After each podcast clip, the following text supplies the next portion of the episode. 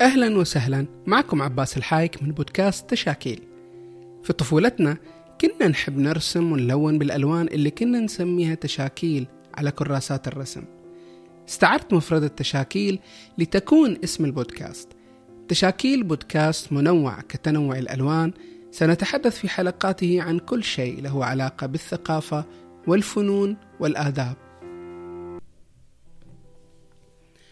حلقتنا اليوم بعنوان التاريخ يكتبه وينتجه المنتصرون.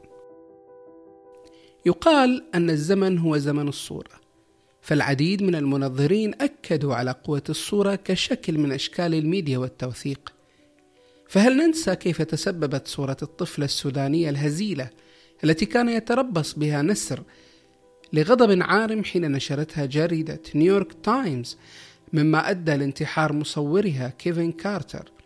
أو صورة مقتل نيجوين فان ليم الفيتنامي حين التقط المصور إيدي أدمز هذه الصورة خلال حرب فيتنام. في الصورة يطلق رئيس الشرطة الوطنية في جنوب فيتنام سجينا إلى الشارع ويطلق رصاصة على رأسه ببرود شديد. هذه الصورة التي تصدرت الصحف وأحدثت تغييرا في الرأي العام الأمريكي الذي تكشفت عنده مستوى وحشية حرب فيتنام. أو تلك الصورة التي تسربت عن مستوى التعذيب الذي تعرض له السجناء العراقيين في سجن أبو غريب. ولن ننسى تلك الصور التي تحولت لأيقونات مثل صورة كيفارا أو صورة غاندي.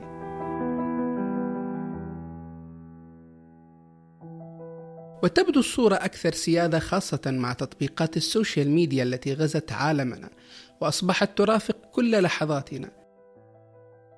صرنا نعتمدها في تسجيل يومياتنا طعامنا قهوتنا وكيف نحضرها؟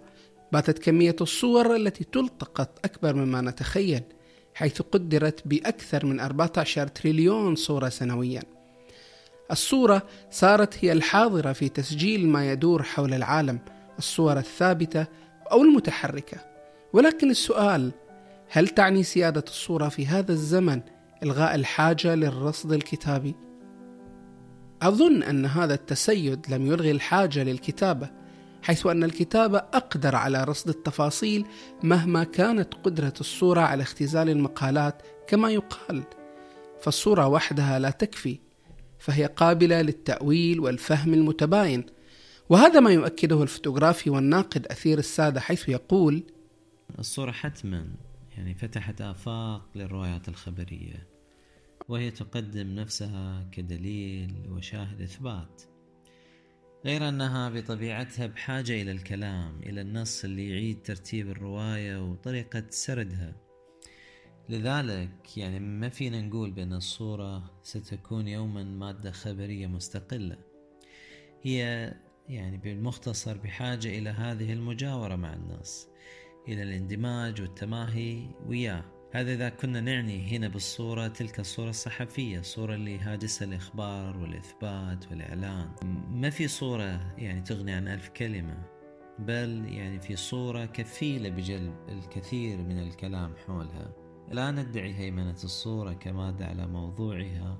بل آه، قاعدين نقول هي عرضة للالتصاق بتأويل ونصوص عدة. يعني حتى في كل مرة تشوفها تصبح شيء مختلف شيء يشبه السياق وطريقة التوظيف وكل الأشياء التي يمكن أن يهبها الناظر أو الكاتب أو حتى المؤسسة الإعلامية يعني. خطورة الصورة في قابليتها دائما للانزياحات الدلالية للتحريفات وليس في كونها يعني دخلت في سباق مع الكلمة. نعم آه، مؤكد بأن الصورة باتت وسيلة تواصل. يتداولها الناس اليوم مثل ما يتداولون الحديث فيما بينهم. آه، صاروا يختصرون مشاعرهم وأفكارهم في قالب صوري إذا أردنا أن نقول. لا يعني أبدا إزاحة آلة الكلام وتعطيلها عند الناس. عمر الكتابة طويل ولا تزال قادرة على البقاء ما دامت الحاجة إليها باقية. والدليل أن الكتب على مستوى العالم ما زالت تصدر. وكل يوم نقرأ عن إصدارات جديدة في مجالات الكتابة المختلفة ومنها كتب التاريخ والكتب التي ترصد بالتحليل والنقد والتسجيل لتاريخنا المعاصر. فما يدور في هذا العالم الآن أرى أن الكتابة كفيلة بتسجيله وتوثيقه وحفظه في كتب حتى وإن كانت كتبا إلكترونية وهي الأكثر قدرة وفاعلية على الغوص في التفاصيل ورصدها. فرغم وجود الصورة فهي تحتاج لكتابة تعزز ما تنقله الصورة رغم ما يشوب أي عملية رصد أيا يكن وسيطها غياب الحياد وشك في صدق المعلومة والثقة فيها. وفي مسألة الصدق أظن أن الأمر سيان بين الكتابة والتسجيل البصري عبر الأفلام الوثائقية. فكما يقال فإن التاريخ يكتبه المنتصرون ففي الماضي كان التاريخ يكتبه المتمكن من امتلاك قوة الكلمة وامتلاك الأقلام التي تكتب ما يملى عليها والبسطاء عادة لا يمتلكونها ولا المهزومون ولكن يمتلكها أصحاب النفوذ والأقوياء وفي الحروب يمتلكها المنتصرون فتضيع الكثير من التفاصيل الحقيقية ويستعاض عنها بخيالات المنتصر لا بحقيقة ما حدث. فهل دخلت الصورة في حوزة المنتصرين كأداة لكتابة التاريخ بصريا؟ يجيب الناقد أثير السادة على هذا التساؤل أبيك تتذكر وياي عباس يوميات الربيع العربي وكيف كانت كل الأشياء يجري تحضيرها حتى تتحول إلى صورة صورة من رغبات الناس تطلعاتهم أمنياتهم يعني المسيرات الحاشدة المواجهات الدامية كل الفصول اللي اختار المصورون يعني يكونوا على مقربة منها. حتى يكتبوا التاريخ بعدساتهم هذا المفصل التاريخي. بكل ما انتهى إليه من خيبات طبعا. يذكرنا دائما بالتنازع على صناعة الصورة وطرق استثمارها. كانت السلطات في المقابل تبحث عن صورة بديلة تقدم بها صيغة ما عن أشكال الاحتجاج. صورة تنشغل بلحظات التخريب التعديات تنشغل يعني بتحجيم أه، الاحتجاج إعادة تعريف ناسا المشاركين فيه. هذه المواجهة وعلى ما فيها طبعا من ندية على مستوى التجابه بالصورة ما راح نشوف لها شبيه على مستوى الماكينات الإعلامية الكبرى. فهي الأقدر دائما على إعادة تكييف الواقع والحقيقة وفق تصوراتها. وتقديم مرويات بصرية عن أي شيء بطريقة تتناغم واتجاهاتها الأيديولوجية. على مستوى الفضاء سأقول بأن هنالك قوة مهيمنة قادرة على إغراق التاريخ بالكثير من الروايات البصرية التي يعني تكفي للإيهام بوجود حقائق بديلة لما ينبغي أن نراه ونسمعه. ومنذ اختراع الجوال وتسيده وهيمنته على حياتنا باتت عملية التوثيق أكثر سهولة ومتاحة. صار وجود الجوال مزاحما لأشكال إعلامية أخرى كالقنوات التلفزيونية وبالتالي لم يعد المنتصرون قادرين على الهيمنة على التاريخ وكتابته حسب رؤاهم حيث كسر احتكارهم للتسجيل. وبات كل الناس مخبرين إعلاميين كما يقول الناقد السادة. طبعا الجوال اللي استطاع أن يجمع كل مفاتيح الصورة على سطحه حقيقة ساهم في تحويل الناس كل الناس إلى مراسلين ومخبرين إعلاميين يصورون ويحررون أخبارهم مثل يعني ما يريدون. هذه الفورية والمباشرة في النقل عطلت أحيانا على الكثير من القنوات الإعلامية التقليدية امتيازاتها وجعلتها في سباق خاسر مع طرق النشر التقليدية. الخبر اللي تلاقيه يحتاج إلى مرشحات وتنقيحات في الوساطة الإعلامية ما يحتاج إلا إلى ضغطة زر وقائمة من الأصدقاء اللي بالتالي راح يعيدون نشر الخبر في متوالية هندسية.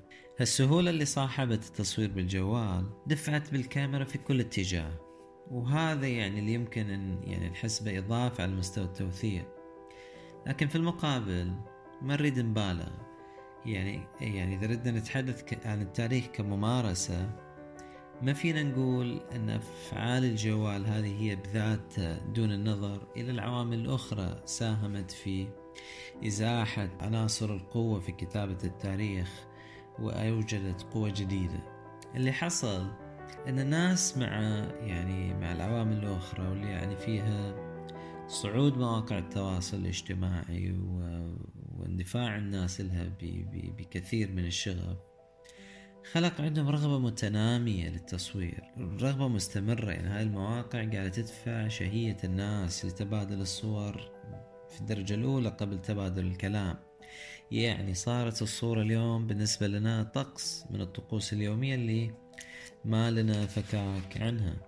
ليست الصورة وحدها الصور الثابتة القادرة على التأثير على كتابة التاريخ لكن السينما كانت وما زالت شكلا من أشكال الدعاية وشكلا قادرا على تنميط الأفكار وتحويل قناعات الناس وتكريس سياسات دول كبرى قادرة على صناعة السينما كما فعلت الولايات المتحدة الأمريكية وقادرة أيضا على جذب الناس سياحيا لبلد ما كما فعلت تركيا بمسلسلاتها. وهذا الأمر يصدق أيضا على الأفلام الوثائقية التي تمتلك قوتها الدول الكبرى. الدول صانعه الأفلام وصانعه الميديا في هذا العالم فمن أين يأتي الصدق إذن؟ فحتى هذه الأفلام خاضعه لرغبات هذه الدول ولسياساتها ولأجنداتها في فرض رؤاها على العالم، فكل الأفلام الوثائقية التي أنتجت منذ بداية السينما كانت خاضعة لرأي مخرج أو الجهة المنتجة ولم يخضع أكثرها لمبدأ الحياة، حتى تلك الأفلام الوثائقية المستقلة أو تلك التي ينتجها هو تعبر أيضا عن رأي أصحابها ولا تعتمد الصدق والحياد، فمثلا كثير مما نقله البعض في أماكن أحداث بهواتفهم الجوالة. كان يعبر عن وجهة نظر أصحاب هذه الفيديوهات وقد تجانب الحقيقة. وهذا ما حدث بعد العام 2011 في مناطق الصراعات في العالم العربي. غاب الحياد وبقيت وجهات النظر. وحتى تلك الصور والفيديوهات التي كانت تتوالى علينا من دول الربيع العربي لم تكن خاضعة للحياد بل كانت تصور وفق تصورات وقناعات ذلك الذي التقط الصور والفيديو ووفق ما أراد أن يوجهه من رسائل. وهو ما شكل القناعات والرأي العام فصارت الآراء تميل هنا أو هناك وفق ما كانت توجههم لها هذه الفيديوهات أو الصور. لست ضد التقنية الحديثة أبدا لست ضد الكاميرا بل أجدها نقلت عملية الرصد وسهلتها وبسطتها أيضا. فاختراع الكاميرا كان فتحا حقيقيا في عملية الرصد. فمثلا وصلتنا صور من الحروب كالحرب العالمية الأولى والثانية قد لا تصل لكل العالم تفاصيلها لولا اختراع الكاميرا. وكذلك السينما التي نقلت لنا ما كان متوقفا على الخيال الذي يصنعه النقل المكتوب. ختاما قال الفوتوغرافي الأمريكي إدوارد ويستون مرة بأن الكاميرا ترى أكثر من العين.